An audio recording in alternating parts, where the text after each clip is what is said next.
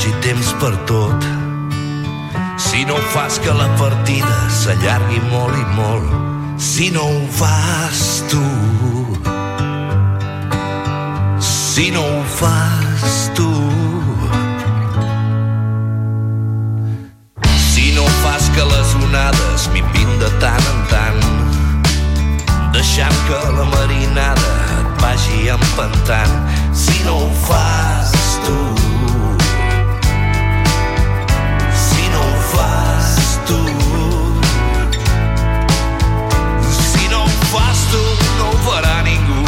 si no haguessis passat. Saps que res més res és igual a res, ets tu qui decideix.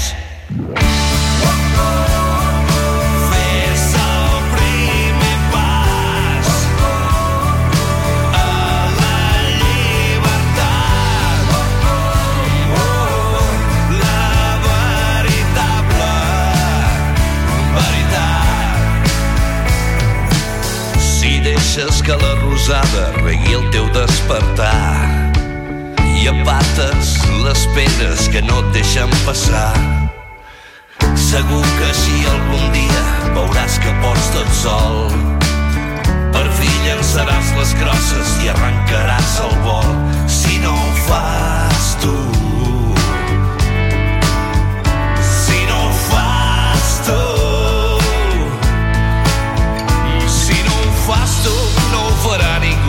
si no haguessis passat. Saps que res més res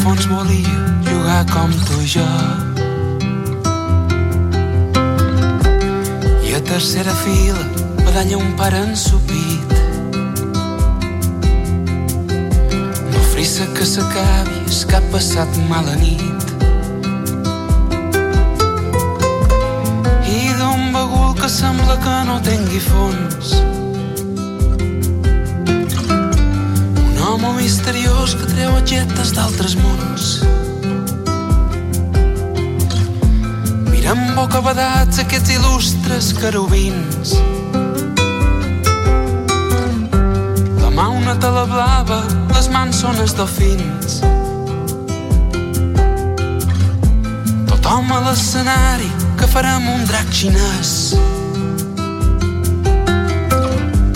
I de se'n despenjada d'un arnès una fada que vos accepta un desig.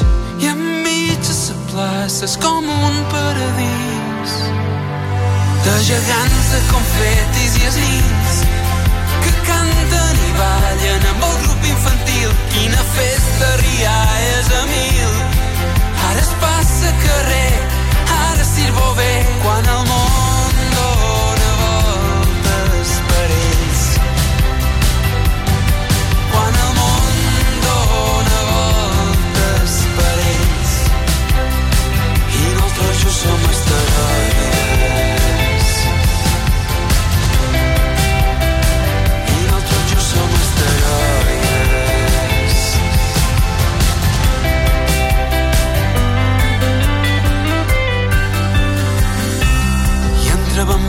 dins s'origina algun pecat.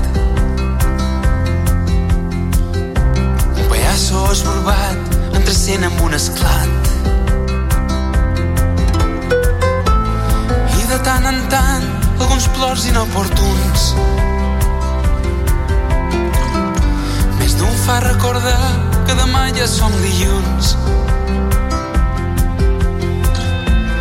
i el teatre d'ombres, la faula de la garça. Ningú pensa que juga el Madrid contra el Barça. A la casa de Vila el bal de font pregó desert. De fora se fa fila per conèixer el corba i és ben cert que enmig de la plaça és com un paradís de gegants de confetis i esnits que canten i ballen amb el grup infantil. Quina festa rià és a mil. Ara es passa carrer, ara sirvo bé quan el món dóna. Quan el món dóna i nosaltres som asteroides.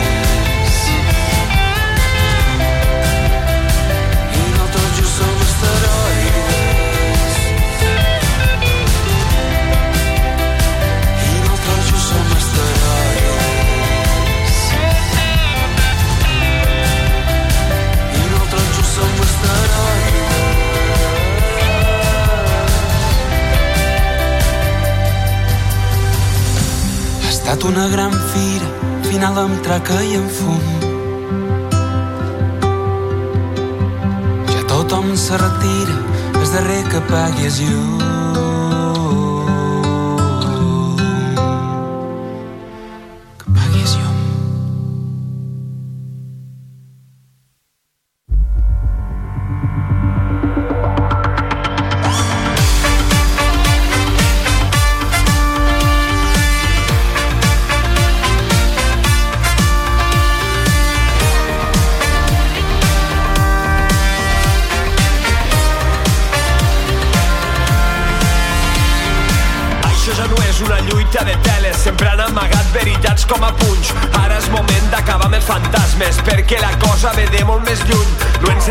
amb ninots i titelles. Ens centrarem amb qui mouen els fils. Conglomerat de poders que dominen aquestes contrades i tots els seus fills. No és una cosa de fa quatre dies. Estem parlant de temps immemorials. Som els poders que es llegeixen en llibres, cleros, nobleses i cases reials. Avui s'escriuen de diferent forma, encara que tots siguin el mateix. Són el poder que maneja les peces, les grans empreses i el món financer. Són l'elit del règim, són els amagats són les velles cares les que es van disfressar. Són hereus del règim, són els impostors, són els democràtics, són la falsa transició.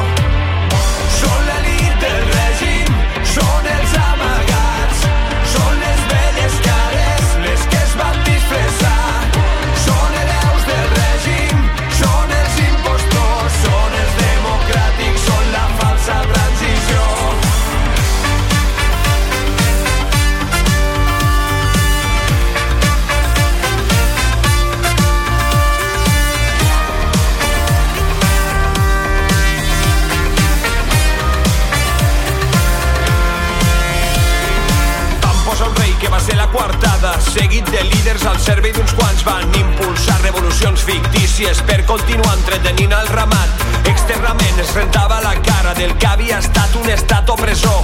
Noves camises i noves corbates, però totes tallades d'un únic patró. Neixen in vitro partits socialistes, ara això sembla un país molt modern. Falsa esperança que broti no verba en uns terrenys que sempre van ser arms.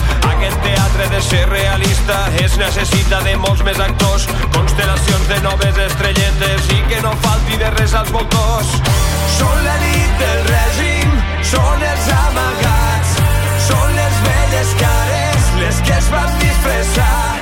Són hereus del règim, són els impostors, són els democràtics, són la falsa transició. Són l'elit del règim, són els amagats, són les velles cares les que es van disfressar. Són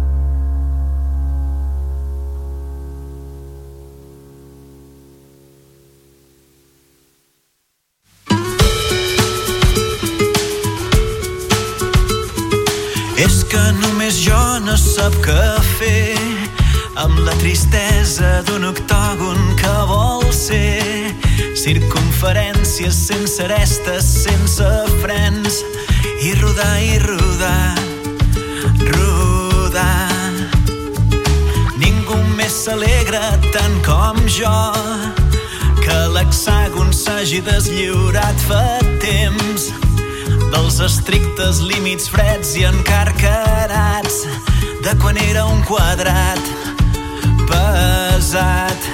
I a tot això qui sap el nom? Del polígon just abans el darrer milisegon de ser un cercle ben rodó. I a tot això qui em sap dir el nom? Del polígon crescut i s'ha fet gran. Tot un cercle sense por.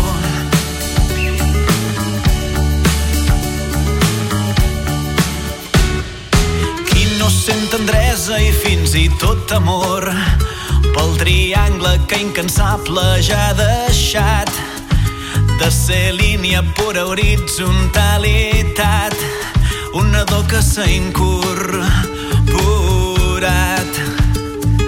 No us cau bé el nonagon que valent en el seu desig de ser un descobert. Pensa més en corbes que no acaben mai, que no passen xamfrans, tot plans.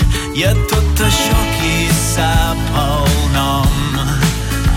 El polígon just abans darrer mil·lisegon de ser un cercle ben rodó.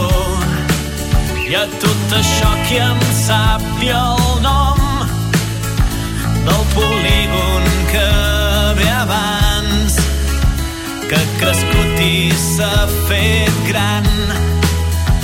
Tot un cercle sense por.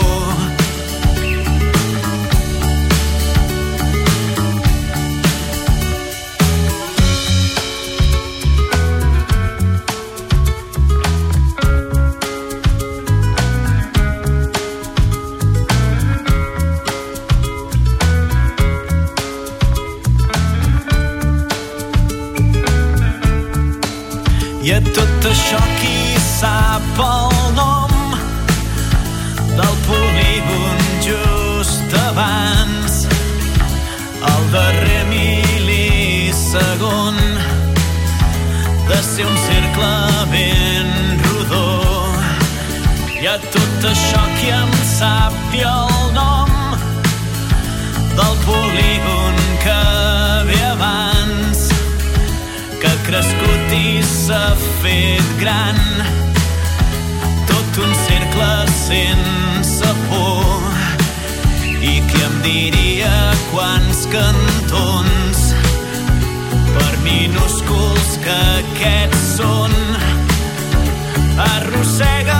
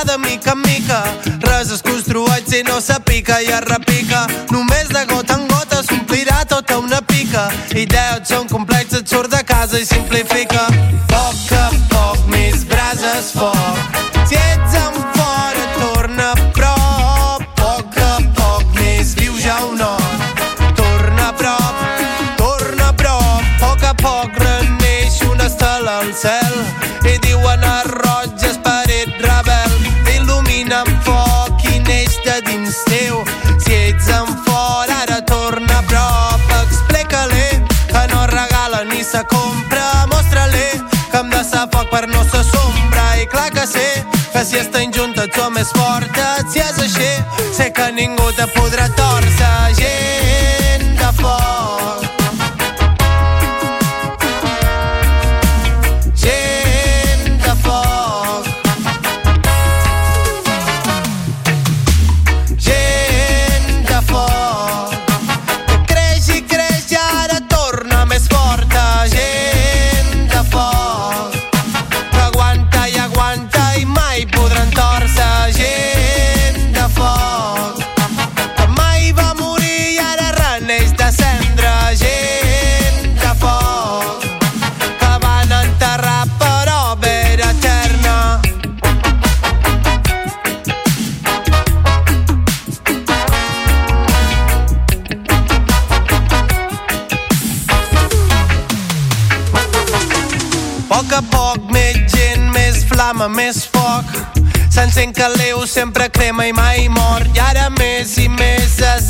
fa més fort que tremola i tot ara comença un nou joc. Poc a poc més brases foc. Si ets en fora torna a prop. Poc a poc més viu ja un no. Torna a prop, torna a prop. Explica-li que una utopia no és un somni. Mostra-li que si se es pot fer un canvi. I clar que sí, que si tu creus es fa possible.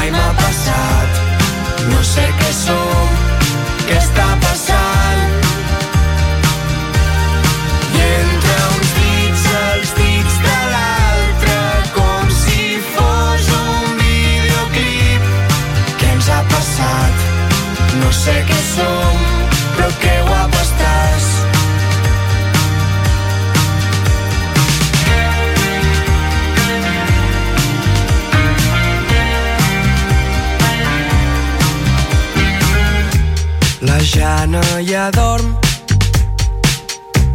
perquè quan sent un pit contra l'esquena li agafa la son. l'Eva s'ha llevat. Està molt nerviosa perquè té un examen a la facultat. I ara exageren que no sap cap tema dels 30 que té per llegir. S'apropa la Jana, que ve per darrere, diu que amb ella ha après a ser feliç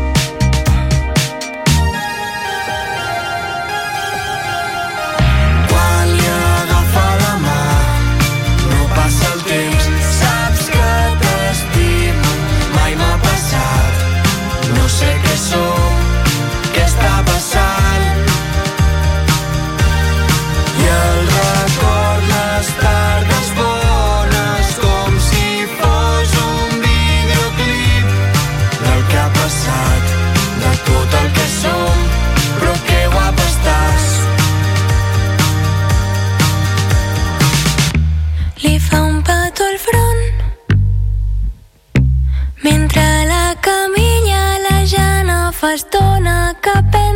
as much.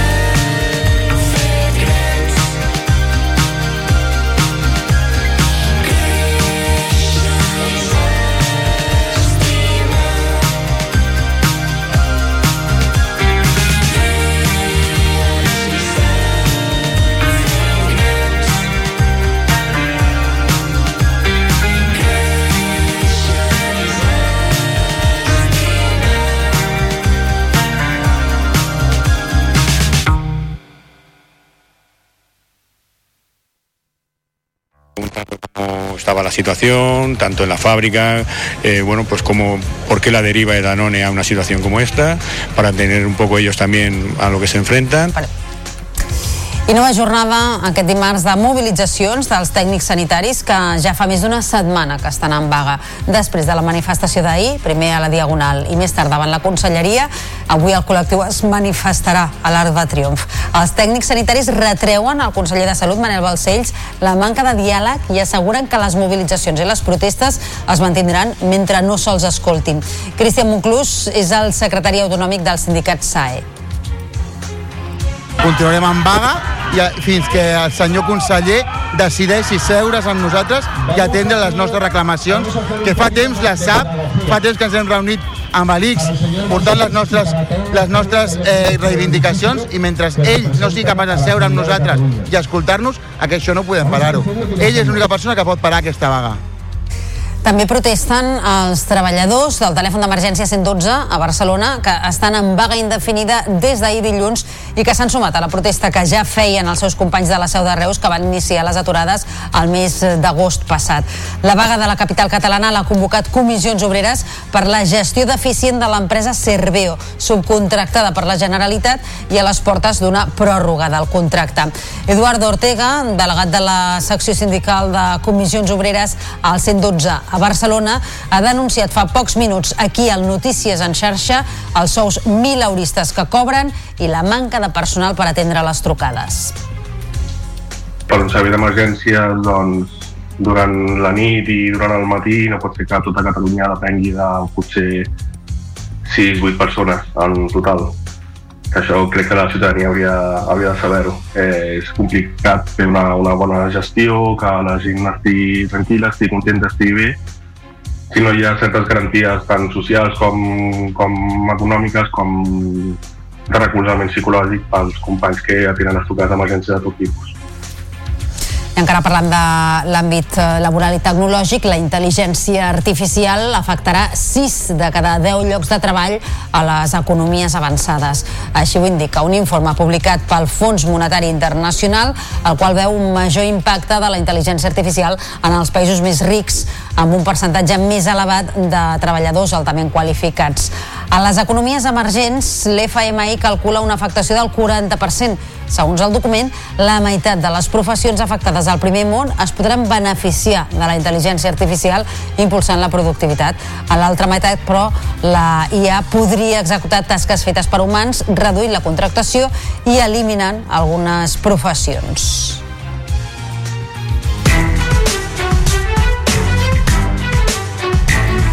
Camí ara d'un quart de nou del matí, falten dos minuts. Avui és el darrer dia per presentar esmenes a la llei d'amnistia que s'ha d'aprovar al Congrés de Diputats. Alguns dels punts conflictius són els delictes de terrorisme que afectaria Tsunami Democràtic o els CDRs de l'operació Judes que estan pendents de judici a l'Audiència Nacional i amb penes de fins a 27 anys. Tot plegat després que la setmana passada es rebutgessin les esmenes a la totalitat de PP i Vox. Ara, Esquerra i Junts per Catalunya volen blindar la llei perquè asseguren que els jutges buscaran totes les escletxes per tal de no aplicar-la. Però el PSOE és reticent a tocar el text actual. Després del debat de les esmenes, es votarà la llei que passarà al Senat, on el PP l'alentirà al màxim abans de retornar al Congrés. És previst que finalment s'acabi aprovant al mes d'abril. I la majoria dels partits catalans reclamen investigar l'expresident del govern espanyol, Mariano Rajoy, i si estava involucrat en l'Operació Catalunya, tal com han publicat aquest dilluns tres mitjans de comunicació. Segons aquestes informacions, el govern del PP va actuar durant cinc anys contra l'independentisme des de fora de la llei. Ens ho explica la nostra companya Mo Carvajal.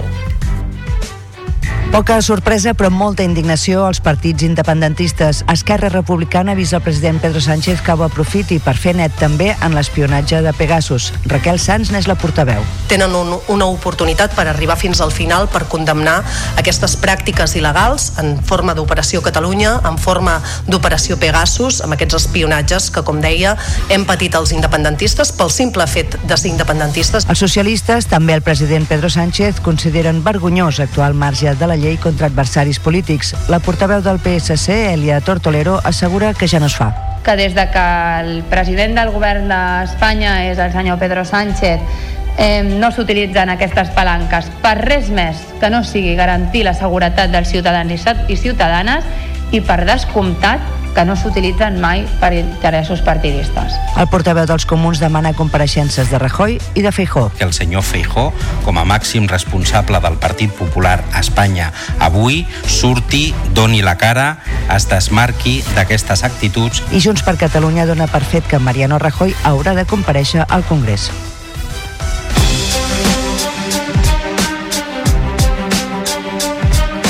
La plataforma en defensa de l'Ebre carrega contra els projectes del govern per dur aigua del riu cap al ric del Priorat en situacions de sequera. I tornen a veure l'amenaça de la interconnexió de conques i es plantegen noves mobilitzacions. És una crònica del Dani Camacho des de Canal T. La plataforma en defensa de l'Ebre denuncia que el trasllat d'aigua de l'Ebre cap al Priorat per garantir el rec de suport als conreus només serveix per consolidar el transvasament entre conques, és a dir, el que existeix entre el pantà de Siurana i el de Riu de Canyes. Nosaltres ho veiem com una incongruència, o sigui, s'està parlant de fer una sèrie d'obres que duraran 3 o 4 anys, o sigui, que no són obres per resoldre el problema immediat d'ara, sinó que s'està aprofitant aquesta situació per a colar el que nosaltres sempre estem denunciant, és la interconnexió de les xarxes. Amb una singularitat brutal i és que la- traspassar aigua de l'Ebre al riu Siurana, que el riu Siurana és un afluent de l'Ebre que simplement no baixa cap a l'Ebre perquè està desviat cap a Reus, és un trasbassament que va, que, que va cap a Reus, entenem que en realitat en el fons el que s'està fent és preservar aquest trasbassament. Des de la PDE creuen que la solució només passa per tallar el trasbassament del Siurana cap a Riu de Canyes, ja que llavors defensen se podrien garantir els recs de suport. Davant d'esta i altres situacions, la plataforma en defensa de l'Ebre convocarà una assemblea entre finals de febrer i principis de març per ja organitzar mobilitzacions. Aquest dimarts és la segona jornada del tall a l'R4 entre Sant Vicenç de Calders i Vilafranca del Penedès per les obres que Adif fa per implantar el corredor mediterrani. Avui la majoria dels usuaris ja coneixen el periple amb autobús que els espera com a alternativa fins al proper 16 d'agost. Però ahir, primer dia, els viatgers ho van viure amb sorpresa i indignació. Gairebé tots criticaven la falta d'informació prèvia per part de la companyia. I no deixem el servei de Rodalies encara, parlem ara del tall derivat de les obres de desdoblament de la línia R3 perquè Adif preveu reprendre la circulació ferroviària entre el 28 de gener i el 2 de febrer. Per tant, a partir de la darrera setmana de gener, els trens tornaran a circular entre el Figaro i la Garriga després de 3 mesos i mig d'obres per adequar les estacions. Paral·lelament, l'en gestor ferroviari ha arribat a un acord amb l'Ajuntament de la Garriga per complir amb una vella reivindicació tant d'usuaris com del mateix consistori i que consisteix en fer un segon accés a l'estació des del centre del poble. Entitats eh, veïnals de tot l'estat reclamen reformes legals profundes i més inversió en habitatge públic. S'han reunit a Barcelona per demanar també que es regulin els lloguers de temporada i que s'acabin els beneficis fiscals per a les societats eh, d'inversió. Totes aquestes demandes les han recollit en la Declaració de Barcelona. És una crònica de BTV. Barcelona, Madrid, Sevilla, Valladolid, Màlaga, Palma o Gijón. Una quinzena de les principals associacions de veïns de tot l'estat diuen prou i ho fan unides. Denuncien que l'especulació amb l'habitatge a les ciutats ha arribat a una situació insostenible. Han elaborat la Declaració de Barcelona, en què reclamen que s'apliqui de manera immediata la nova llei d'habitatge que regula el lloguer a les declarades zones tensionades. A més, insisteixen a incloure-hi també el lloguer de temporada. Els contractes segueixen sent temporals, no hi ha una política clara per afavorir la continuïtat dels contractes i allargar els contractes que en aquests moments són entre 5 i 7 anys eh, i això eh, amb 5 i 7 anys una família no pot tenir un projecte de vida. ja preparen un front ampli de lluita que preveu arribar a les 3.000 associacions de veïns que hi ha arreu de l'Estat, però també a sindicats i empresaris. Per ara ja tenen una reunió amb la ministra d'Habitatge, Isabel Rodríguez, per transmetre-li la llista de demandes. I encara a Barcelona s'ha fet una intervenció a un dels monuments més emblemàtics de la ciutat, l'estàtua de Colom. Per tal de reparar-hi les figures de pedra. S'han retirat les malles protectores que des de fa temps protegien les escultures i ara es rentaran i es revisaran per detectar si hi ha algun element que corri risc de caure. Estan fetes de pedra sorrenca i s'han malmès amb el temps. Va ser construït, recordem, a finals del segle XIX, aquest monument. En el futur caldria fer una intervenció completa per consolidar el monument sencer, però encara no hi ha data prevista. Música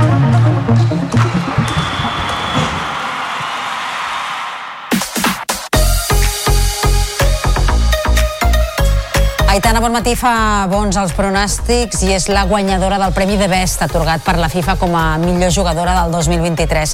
La migcampista, que agafa el relleu d'Alexia, remata un any carregat de títols i reconeixements individuals. Suma el premi als de millor jugadora del Mundial, el premi individual atorgat per la UEFA i a la pilota d'or. En categoria masculina, el guanyador va ser Leo Messi, mentre que Pep Guardiola es va endur el de millor entrenador. Aitana feia balanç d'un any per emmarcar. Ha estat un any de guanyar dins i fora del camp.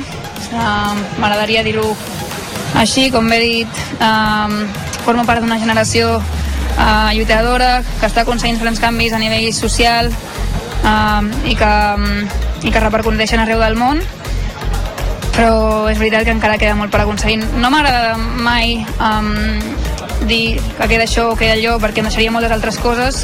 Crec que estem en el camí, crec que hem aconseguit molt en pocs anys, però encara queda molt. El pilot tarragoní Carles Falcón ha mort a causa del greu accident que va patir el passat 7 de gener al Dakar. El motorista de 45 anys havia quedat molt afectat per danys neurològics a conseqüència d'una aturada cardiorrespiratòria. Després de diversos dies a l'UCI, en hospitals de l'Aràbia Saudita, divendres passat havia estat traslladat a Catalunya en estat crític. I el Barça i el bàsquet Manresa s'enfrontaran en els quarts de final de la Copa del Rei de bàsquet. Tots dos conjunts van quedar emparellats en el sorteig fet a Màlaga que acollirà la competició del 15 al 18 de febrer. El duel català jugarà el dijous 16 a les 6 de la tarda.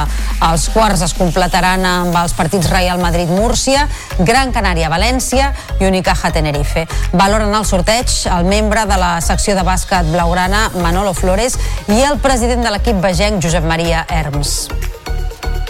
Con mucha humildad, con muchas ganas, mm, con un equipo como tenemos, pues en algún, en algún aspecto en formación, porque ha habido muchos cambios, pero con mucha ilusión de, de conseguir aquí en Málaga, pues eh, llegar a la final y ganarla. Muy difícil, como no podía ser de otra manera.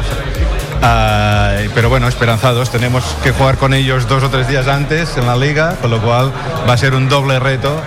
Ah, esperanzados. Avui es disputen els vuitens de final de la Copa del Rei de Futbol Sala que es decideixen a partit únic. A les 9 de la nit, el Barça visitarà la pista del Movistar Inter amb la novetat del porter Didac a la convocatòria. Després de la derrota davant els madrilenys al Palau en partit de Lliga, els blaugrana intentaran no repetir els errors per seguir vius a la competició. En parla el pivot brasiler Pito.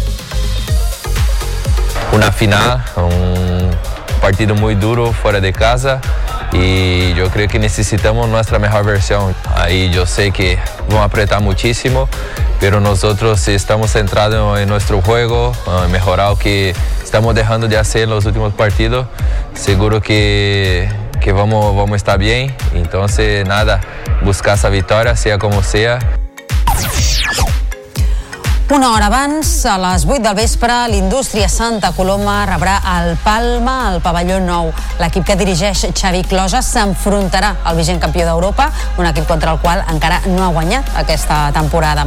Malgrat tot, el capità dels colomencs, Sebas Corso, està convençut de les possibilitats d'obtenir el bitllet per als quarts. Son un super equipo, tienen una plantilla muy...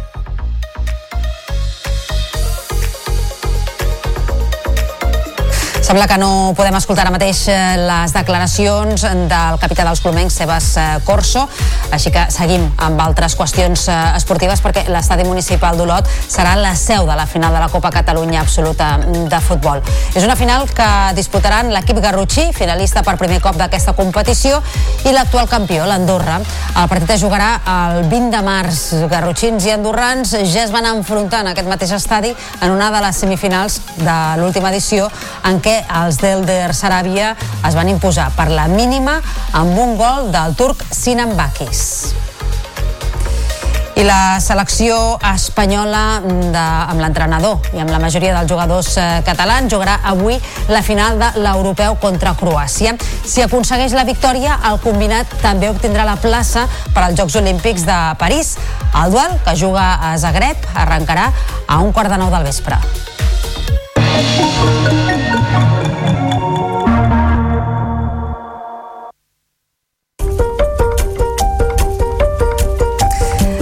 Les 30 sales teatrals de Barcelona han batut rècord d'espectadors i de recaptació l'any 2023 amb 2.845.000 espectadors, un 60% d'ocupació i més de 86 milions d'euros de recaptació.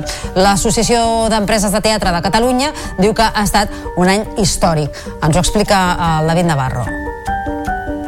Per primera vegada s'aconsegueix superar les xifres de l'any 2011, quan el nombre d'espectadors va ser de 2.816.000, la recaptació de 65 milions i l'ocupació del 54%. La presidenta de l'Associació d'Empreses de Teatre de Catalunya, Isabel Vidal, ha agraït el suport de les administracions. Per a Vidal, els números mostren que amb millors pressupostos i normatives adequades es pot arriscar més i la cartellera és més atractiva per al públic. El teatre està de moda i que els espectadors ens estan dient que el teatre està de moda. Això vol dir que tots plegats, aquí estem uns representants parlant, eh, atribuint-nos uns mèrits que són de tothom, tots plegats, totes plegats, ho hem fet molt bé. Les cinc produccions amb més èxit de la temporada han estat el darrer espectacle de El Mago Pop, Impro Show, de Producers, L'Alegria que passa i Fitzroy.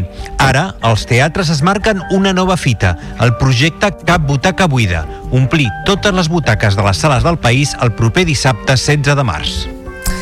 Amics i col·laboradors d'Aventura Pons han reunit per homenatjar-lo en un acte impulsat per la Generalitat a la Filmoteca de Catalunya. Josep Maria Pou, Amparo Moreno, Joan Pera o Mercè Pons, entre d'altres, han tingut paraules de record pel director que va morir la setmana passada. La directora artística dels films de la Rambla, la productora d'Aventura Pons, Belo Torres, el definia així. Uh, definir el Ventura és molt difícil perquè era una persona molt molt universal diria però no en l'aspecte sinó en l'aspecte intern d'una persona no? però si he de triar adjectius i característiques seria tenacitat, il·lusió eh, molt treballador alegre, una persona que estimava la vida i estimava el cinema però amb molta contundència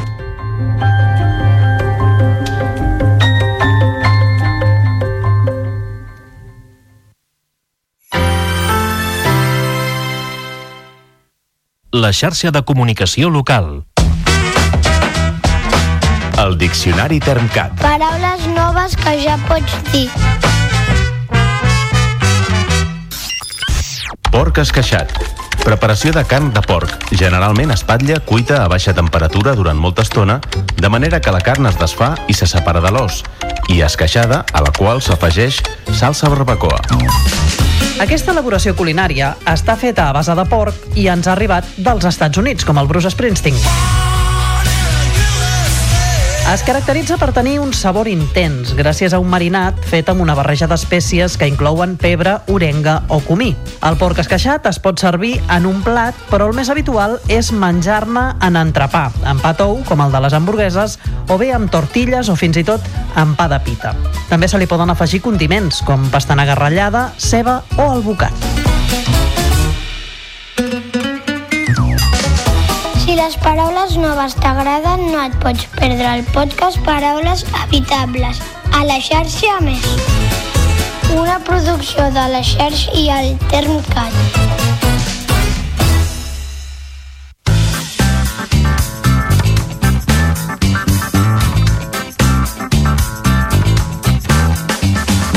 ¿Sabías que L'autor més prolífic de la Wikipedia és un suec anomenat Sverker Johansson. Però no tots els articles que ha portat han sortit dels seus dits. Johansson ha creat un programa d'ordinador que ha escrit un total de 2,7 milions d'articles, una xifra que suposa el 8,5% dels articles que hi ha a la Wikipedia, segons informa The Wall Street Journal.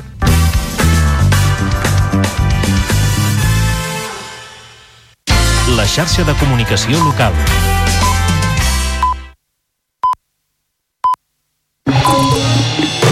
Notícies en xarxa, edició matí.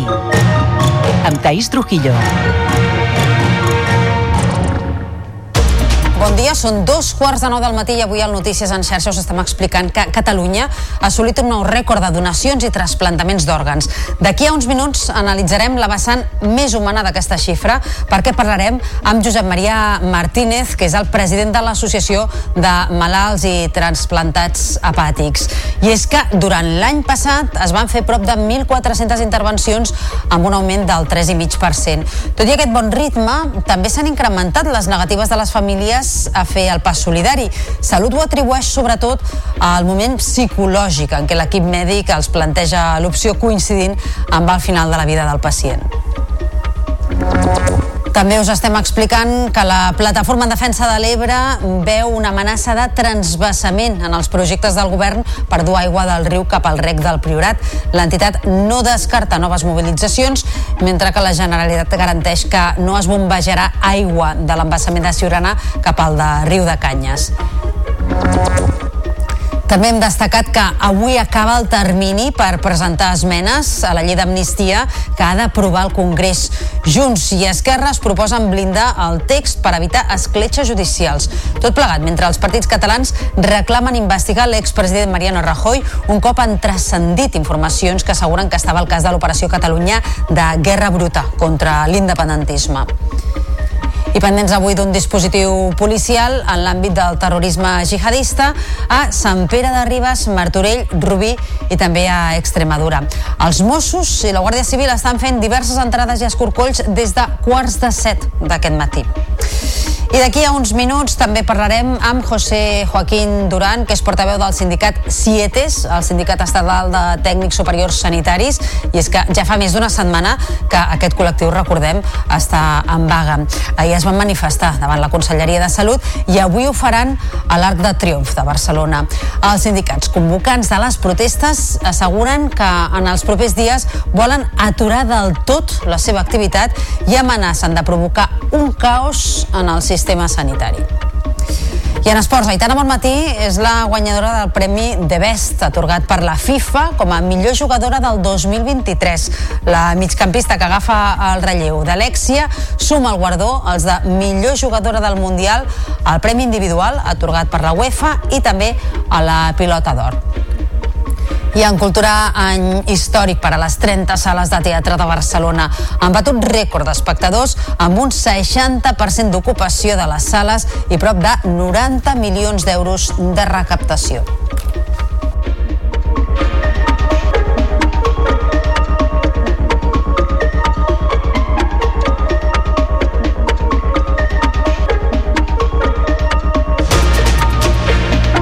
Notícies en xarxa, edició matí.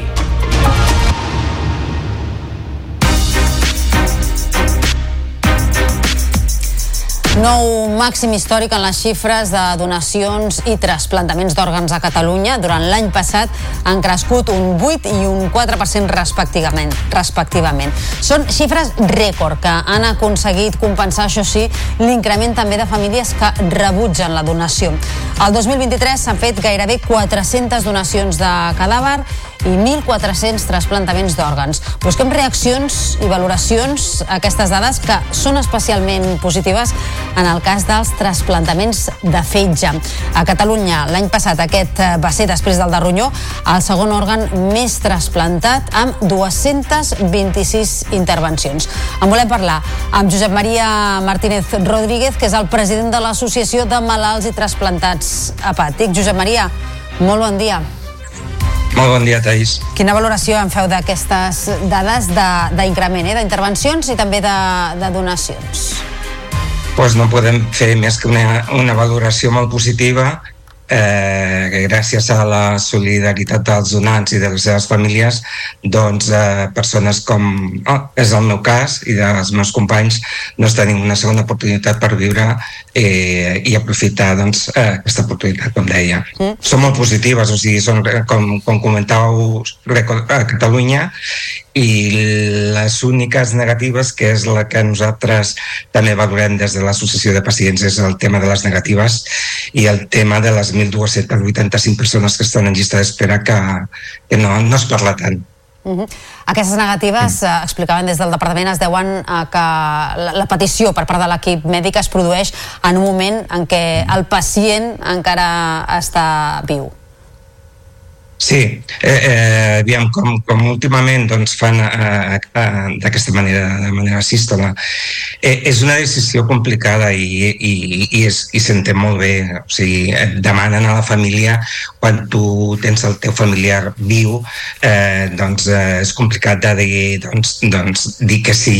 Eh, però bé, eh, crec que, que han de ser positius, crec que totes les feines que fan els coordinadors de trasplantament als diferents hospitals és una feina eh, que és, que, va, que és molt loable i crec que, que, bueno, que mica en mica entre tots eh, aconseguirem doncs, que aquestes negatives vagin baixant perquè, perquè bueno, mm, jo sóc la mostra, o sigui, sense aquest donant eh, nosaltres no, no estaríem aquí. Uh -huh. Parli'ns en concret eh, d'aquests eh, trasplantaments de fetges. Deia vostè que, que, que ho pot explicar, evidentment, en primera persona perquè mm. va rebre un fetge fa aproximadament uns eh, 8 anys. Com canvia sí. la vida? Canvia totalment. O sigui, jo eh, estava treballant precisament en un hospital, treballava en un hospital i he estat 25 anys i portava una vida doncs mm, diguem-ne no, no saludables, per exemple menjava molt malament, no feia exercici físic i ara la vida m'ha canviat totalment o sigui, ara faig eh, una vida d'hàbits saludable, haig de cuidar el meu fetge meu fetge me l'ha donat una altra persona que no conec però al qual estic agraït i, i bé, sóc una altra persona a més a més sóc una persona més generosa perquè m'he donat compte doncs, que hem de ser solidaris per tal d'ajudar altres persones i per això estic a l'associació amb els meus companys intentant ajudar a tota la gent que està passant pel mateix procés. Jugar a favor de les persones que pateixen malalties hepàtiques, el fet que el fetge és un dels òrgans que es pot donar en viu, a diferència d'altres? Sí, sí, és una possibilitat més que no tenen altres òrgans, com, com, com ser els pulmons o, o el cor, eh, i això també és, és favorable a tot que, que aquest any no hi ha hagut cap donat en viu un fetge, però és una possibilitat que, que, que, que ajuda que hi hagi la possibilitat de, de que hi hagi aquest eh, trasplantament. En el meu cas, per exemple, el meu fill eh, doncs va fer tot el procés de donar en viu per tal de, de poder donar el seu, el seu fetge. Eh, és una possibilitat més que s'ha de tenir en compte, tot i que, bé, eh, tornem a dir que amb la, la voluntarietat i la gratuïtat de, de la gent, la solidaritat, doncs podíem aconseguir que aquestes persones, aquestes 1.285 persones que estan esperant un òrgan, doncs, eh, doncs tinguin aquest òrgan. Jo sí que m'agradaria donar aquest missatge a les persones que ara, a dia d'avui, estan esperant a, a aquest òrgan, doncs que sabem que és un procés eh, dur, però que, que, bueno, que, que després tenen doncs, eh, doncs, coses positives com, com podeu veure, eh, podem veure en mi. Josep Maria Martínez Rodríguez, president de, de l'Associació de Malalts i Trasplantats Hepàtics, gràcies sí. per atendre'ns avui, coincidint amb que coneixíem aquestes dades de donacions, però també mm. perquè aquesta és la setmana de les malalties hepàtiques i també fan vostès sí. una, una crida a la prevenció per evitar aquests eh, sí. transplantaments i també a la donació perquè moltes persones es puguin curar. Gràcies per haver-nos atès avui, molt bon dia. I gràcies a vosaltres per donar-nos veu. Adéu. Adéu. I ara parlem d'una altra qüestió, perquè augmenta la preocupació pels accidents mortals de motoristes a la carretera. Les últimes dades del Servei Català de Trànsit constaten que la xifra va en augment. És per això que el govern aposta per invertir en infraestructures tecnològiques com ara drons i càmeres amb intel·ligència artificial amb l'objectiu de reduir la mortalitat més d'un 20% l'any 2026. Ens ho explica el David Benito. La sinistralitat a moto és la principal preocupació de trànsit i és que el passat any 52 persones van perdre la vida circulant amb motocicleta per alguna via catalana, 6 víctimes més que el 2022. També és la pitjor dada des de 2010. La majoria d'aquests accidents es produeixen per sortides de via. Ramon Lamiel és director del Servei Català de Trànsit. No podem estar satisfets amb el tema de les motos perquè se'ns ha disparat l'accidentalitat i la sinistralitat i les víctimes mortals amb motos i estem en el 52 víctimes mortals i un increment respecte el 19 i el 22. És segurament l'any amb més víctimes mortals des d'abans del 2010 fins i tot. Eh? Per tant, eh, estem en, en, en aquestes xifres que es mantenen de manera tossuda. Per això l'autoritat viària catalana assegura que cal actuar sobre la infraestructura per millorar la seguretat dels motoristes. Trànsit creu que això passa per millorar la senyalització a les carreteres i marcar correctament el traçat que han de seguir les persones amb moto. També cal incidir la formació i amb la informació que reben els motoristes. Continua en marxa a aquesta hora el dispositiu conjunt entre Mossos d'Esquadra i Guàrdia Civil per terrorisme jihadista.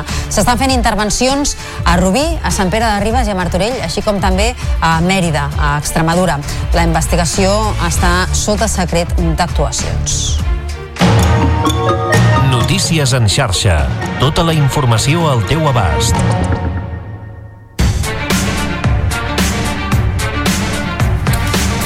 Nova jornada aquest dimarts de mobilitzacions dels tècnics sanitaris que ja fa més d'una setmana que estan en vaga. Després de la manifestació d'ahir, primer a la Diagonal i més tard davant la Conselleria, avui el col·lectiu es manifestarà a l'Arc de Triomf, també a Barcelona. En volem parlar amb José Joaquín Duran, que és portaveu del sindicat CIETES, que és el Sindicat Estatal de Tècnics Superiors Sanitaris. José Joaquín, molt bon dia. Hola, muy, bien, muy buen día. Gracias por la invitación. Eh, en principio, comentaros que represento a Siete, pero en sí Siete es un sindicato federado en la Federación de Técnicos y Profesionales de la Sanidad que aglutinamos a dos colectivos, de técnicos superiores sanitarios y técnicos en cuidados de enfermería. Uh -huh. I parlar en boca dels, dels dos, entenc, no? Uh, eh, eh, sí. Parlem d'aquesta protesta, eh, que va arrencar el passat dia 8, quan veu decidir afegir-vos a la d'infermeres, que ja feia setmanes no, que durava. Per, Perdona, perdona, nosotros no nos hemos añadido a la enfermera. Nosotros fuimos el primer sindicato convocante, FTPS, el 30 de noviembre y, y hemos de daros las gracias porque fuisteis el primer medio donde aparecimos, justo el día que comenzamos la huelga. Y nuestra huelga coincide en el tiempo con, con la de enfermeras. Se Nosotros suman. somos dos colectivos. Eh, eh, ellos empezaron el día 12 de diciembre, nosotros el 30 de noviembre ya estamos en la calle. I quins avenços heu aconseguit des d'aleshores? Ninguno. Directamente el Departamento de Salud eh, no nos responde o como ayer cuando nos concentraba ante la puerta del departamento nos recibe una directora la cual toma nota, eh, en todo momento alude a que esto es una negociación con los sindicatos de la mesa sectorial, pero olvidan una cosa muy importante, que es el IX, el Instituto Catalán de la Salud, quien tiene que proteger, defender y dar eh, oportunidades y mejoras a todos los colectivos profesionales. En tanto en cuanto al- a los técnicos superiores sanitarios, de los 320 millones nos toca el 0,18%, la- esa friolera cifra, y a las TKS el 1,3%, mientras que al colectivo médico se da el 57% y al de enfermería el 32%, pues no podemos hacer otra cosa que seguir protestando y ante la falta de respuesta la huelga se intensificará. Y esto tiene un problema, es que lo sufren los ciudadanos y ciudadanas de Cataluña. A més, en un moment en què els centres sanitaris, tant hospitals com centres d'atenció primària, estan plens amb totes les persones afectades i ingressades per virus respiratoris, oi?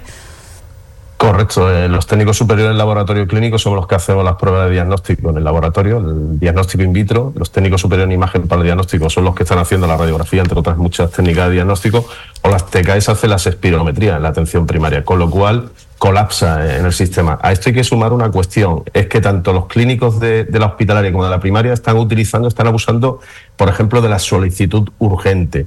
¿Eso que hace? Que los, la, la gente que ya está en mínimos en laboratorios clínicos, por ejemplo, o servicios de radiología, están recibiendo una sobrecarga cuando en realidad la plantilla es muy inferior porque estamos en servicios mínimos, aun cuando cada vez los aumentan, que eso es otra cosa que es el boicot a la huelga.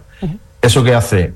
Que el volumen es tal que lo urgente eh, no es urgente, al final es rutina. Entonces ahí tenemos miedo de que realmente se vayan a perder eh, determinaciones urgentes porque no vamos a poder eh, trabajar con la urgencia que merece el paciente. Y otra cuestión muy importante, al margen del problema puntual de las infecciones víricas, está el problema del diagnóstico de enfermedades como el cáncer.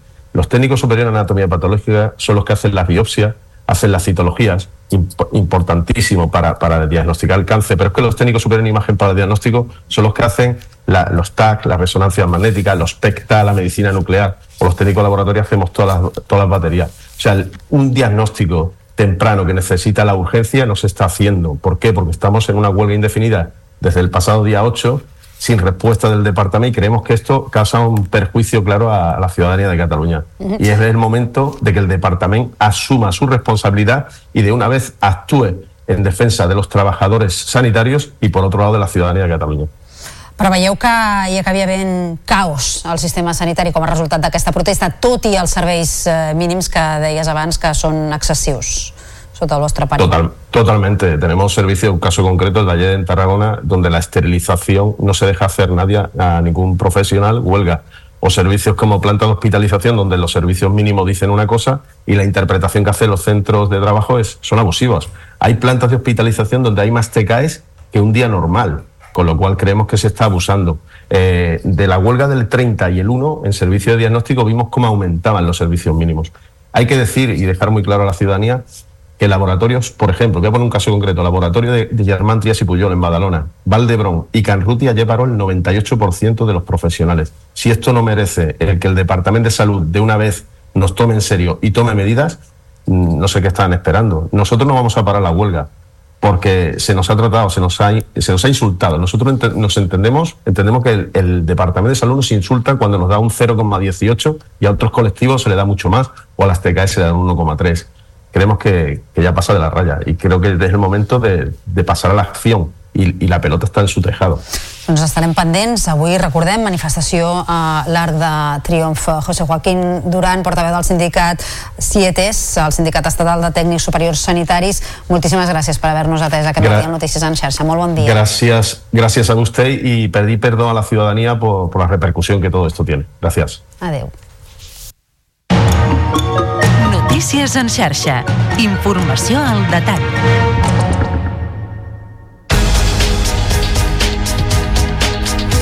Passa ara un minut de tres quarts de nou del matí. Avui és el darrer dia per presentar esmenes a la llei d'amnistia que s'ha d'aprovar al Congrés dels Diputats. Alguns dels punts conflictius són els delictes de terrorisme que afectaria Tsunami Democràtic o els CDRs de l'operació Judes que estan pendents de judici a l'Audiència Nacional i amb penes de fins a 27 anys. Tot plegat després que la setmana passada es rebutgissin les esmenes a la totalitat de PP i Vox. Ara Esquerra i Junts per Catalunya volen blindar la llei perquè asseguren que els jutges buscaran totes les escletxes per tal de no aplicar-la. Però el PSOE és reticent a tocar el text actual.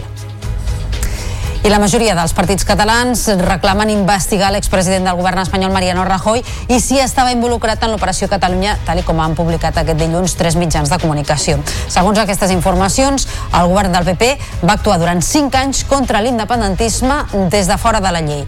Ens ho explica la Mont Carvajal. Poca sorpresa, però molta indignació als partits independentistes. Esquerra Republicana avisa el president Pedro Sánchez que ho aprofiti per fer net també en l'espionatge de Pegasus. Raquel Sanz n'és la portaveu. tenen un, una oportunitat per arribar fins al final per condemnar aquestes pràctiques il·legals en forma d'Operació Catalunya, en forma d'Operació Pegasus, amb aquests espionatges que, com deia, hem patit els independentistes pel simple fet de ser independentistes. Els socialistes, també el president Pedro Sánchez, consideren vergonyós actuar al marge de la llei contra adversaris polítics. La portaveu del PSC, Elia Tortolero, assegura que ja no es fa.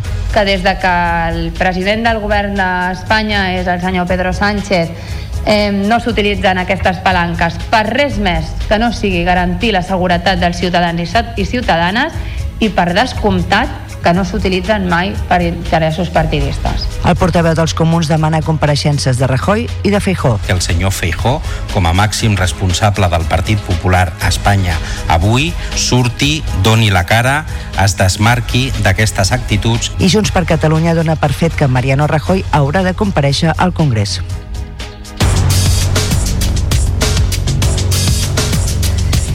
La plataforma en defensa de l'Ebre carrega contra els projectes del govern per dur aigua del riu cap al rec del Priorat en situacions de sequera. I tornen a veure l'amenaça de la interconnexió de conques i es plantegen noves mobilitzacions. És una crònica del Dani Camacho des de Canal T. La plataforma en defensa de l'Ebre denuncia que el trasllat d'aigua de l'Ebre cap al Priorat per garantir el rec de suport als conreus només serveix per consolidar el transbassament entre conques, és a dir, el que existeix entre el pantà de Siurana i el de Riu de Canyes. Nosaltres ho veiem com una incongruència, o sigui, s'està parlant de fer una sèrie d'obres que duraran 3 o 4 anys, o sigui, que no són obres per resoldre el problema immediat d'ara, sinó que s'està aprofitant aquesta situació per a colar el que nosaltres sempre estem denunciant, és la interconnexió de les xarxes. Amb una singularitat brutal i és que traspassar aigua de l'Ebre al riu Siurana, que el riu Siurana és un afluent de l'Ebre que simplement no baixa cap a l'Ebre perquè està desviat cap a Reus, és un trasbassament que va, que, que va cap a Reus, entenem que en realitat en el fons el que s'està fent és preservar aquest trasbassament. Des de la PDE creuen que la solució només passa per tallar el trasbassament del Siurana cap a Riu de Canyes, ja que llavors defensen se podrien garantir els recs de suport. Davant d'esta i altres situacions, la plataforma en defensa de l'Ebre convocarà una assemblea entre finals de febrer i principis de març per ja organitzar mobilitzacions. La plana de Vic registra últimament valors de partícules en suspensió per sobre del llindar recomanable de la Unió Europea. És una contaminació que situa Osona al capdavant de les zones més contaminades d'Europa. Ens ho explica el Guillem Sánchez, del Nou TV. Provenen del trànsit, les indústries, les cremes agrícoles i la crema de biomassa en les calefaccions i llars de foc, que no es dissipen per l'orografia de la plana, la inversió tèrmica i la manca de pluja. Ferran Campillo, pediatre especialista en salut ambiental de la Fundació Hospital d'Olot i Comarcal de la Garrotxa, remarca que, a diferència de l'ozó troposfèric que té origen a l'àrea metropolitana, la de les partícules en suspensió és una contaminació que es genera a Osona mateix. La meteorologia doncs, ens costarà canviar-la, l'orografia doncs, encara més i per tant hem d'intentar canviar aquests hàbits o aquests, aquesta activitat que pugui afectar la nostra qualitat de l'aire. Els efectes en la salut de la contaminació per partícules en suspensió que la recerca mèdica ha identificat fins ara es divideixen en dues categories. Per una banda hi ha les exposicions a altes concentracions de partícules durant un temps curt. Augment de les crisis d'asma, de les bronquitis, eh, també d'infeccions respiratòries i, i veiem també un augment de la mortalitat eh, relacionada sobretot amb cardi eh, causa cardiovascular però també causa cardiorespiratòria i també s'han descrit conseqüències a llarg termini de l'exposició a aquests agents contaminants. També veiem malalties neurològiques com és l'Alzheimer, veiem també malalties oncològiques com és el càncer de pulmó i també en, en les embarassades veiem un augment dels parts prematurs. Estendre els sensors a més municipis i que els canals per informar la població sobre la qualitat de l'aire funcionin correctament es consideren elements de prevenció clau.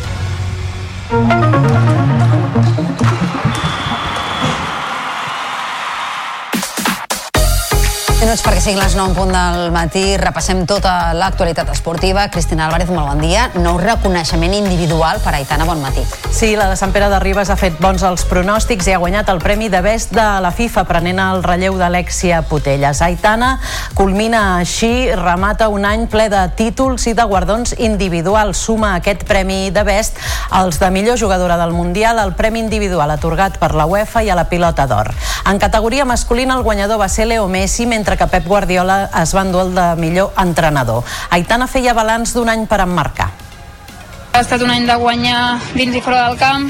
Uh, M'agradaria dir-ho així, com he dit, uh, forma part d'una generació uh, lluitadora que està aconseguint grans canvis a nivell social uh, i, que, um, i que repercuteixen arreu del món però és veritat que encara queda molt per aconseguir. No m'agrada mai um, dir que queda això o queda allò perquè em deixaria moltes altres coses crec que estem en el camí crec que hem aconseguit molt en pocs anys però encara queda molt el pilot tarragoní Carles Falcón ha mort a causa del greu accident que va patir el passat 7 de gener al Dakar.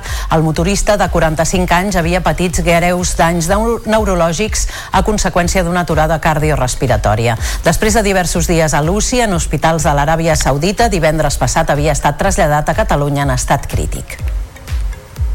El Barça i el bàsquet Manresa s'enfrontaran en els quarts de final de la Copa del Rei. Tots dos conjunts van quedar emparellats en el sorteig fet a Màlaga, que acollirà la competició del 15 al 18 de febrer.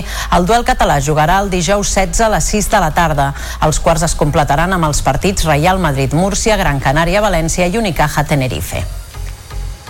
Avui es disputen els vuitens de final de la Copa del Rei de Futbol Sala, que es decideixen a partit únic. A les 9 de la nit, el Barça visitarà la pista del Movistar Inter amb la novetat del porter Didac a la convocatòria. Després de la derrota davant els madrilenys al Palau en partit de Lliga, els blaugranes intentaran no repetir els errors per seguir vius a la competició. En parla el pivot brasiler Pito. Una final, un partido muy duro fuera de casa y yo creo que necesitamos nuestra mejor versión. Ahí yo sé que vamos a apretar muchísimo, pero nosotros si estamos centrados en nuestro juego, en mejorar lo que estamos dejando de hacer en los últimos partidos, seguro que, que vamos, vamos a estar bien. Entonces, nada, buscar esa victoria, sea como sea. Una hora abans, a les 8 del vespre, l'Indústria Santa Coloma rebrà el Palma al pavelló nou. L'equip que dirigeix Xavi Closa s'enfrontarà al vigent campió d'Europa, un equip contra el qual encara no ha guanyat aquesta temporada. Malgrat tot, el capità dels colomencs, Seba Escorso, està convençut de les possibilitats d'obtenir el bitllet per als quarts. Son un super equipo, tiene una plantilla muy, muy amplia, eh, jugadores casi todos internacionales, pero bueno, nosotros tenemos que pensar en, en nosotros, en nuestro juego, en lo que tenemos que hacer y estamos convencidos de que, de que podemos conseguir la victoria. L'Indústria juga a les 8, el Barça a les 9. Demà sabrem si s'han classificat. Ja ens ho explicaràs. Gràcies, Cristina, que vagi Fins molt bé. demà. Nosaltres ara, en la secció de Cultura, us expliquem que les 30 sales teatrals de Catalunya han batut rècord el 2023 amb 2.845.000 espectadors i 86 milions d'euros en recaptació. L'Associació d'Empreses Teatrals de Catalunya parla d'any històric. Ens ho explica el David Navarro. Per primera vegada s'aconsegueix superar les xifres de l'any 2011, quan el nombre d'espectadors va ser de 2.816.000, la recaptació de 65 milions i l'ocupació del 54%.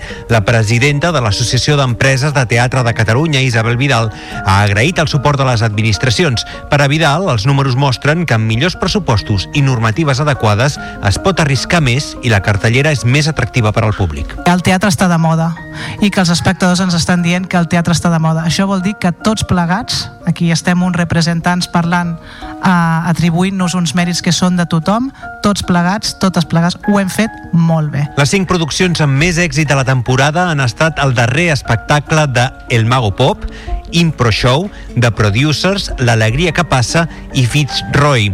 Ara, els teatres es marquen una nova fita, el projecte Cap Butaca Buida, omplir totes les butaques de les sales del país el proper dissabte 16 de març. Tornem demà. Bon dimarts.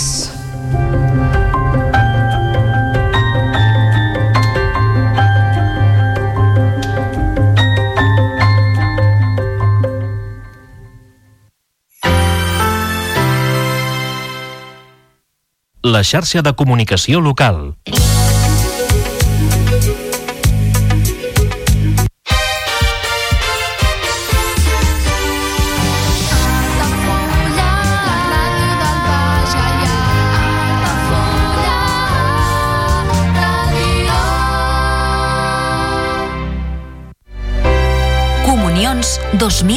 2024. Dates ja disponibles amb sales privades, jardí, pàrquing privat i la millor gastronomia. Més informació i reserves al 977 65 11 55 i a comercial arroba altafullamarotel.com o al web altafullamarotel.com. Les teves celebracions familiars a l'Altafulla Mar Hotel.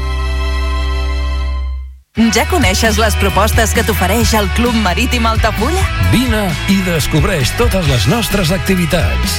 Sortides en caiac o pa del surf, cursos de vela per a totes les edats. No t'ho perdis. Club Marítim Altafulla. Obert tot l'any i per a tothom.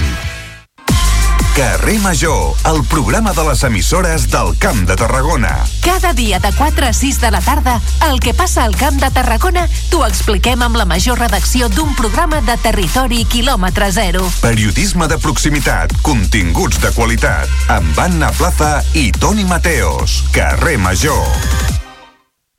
Al meu país la pluja no sap ploure. Canvi climàtic asseca els rius, posa en risc l'abastament d'aigua i la producció d'aliments. Treballem per fer front a la sequera i garantir l'aigua, però cal l'esforç de tothom. Cada cada gota compte. La pluja no la controles, l'aixeta sí. Generalitat de Catalunya. Sempre endavant.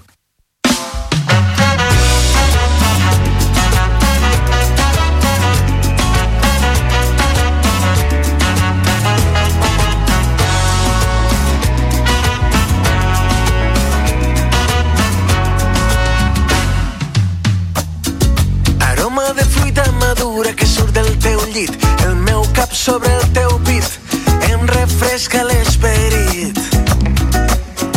Em neix un instint juràssic quan ballo amb tu, ets la presa, ets el menú, un ritme bàsic en comú. Cireres a les orelles, em mires i em somrius, quan t'explico que al meu poble sento granotes a l'estiu. És temps de nius d'abelles, de sexe radioactiu, una dolça migdiada a l'ombreta del teu niu, del teu niu. Tornaré a ballar descalç, arena blanca, foc i timbals, cants de sirena, Són les 9 del matí.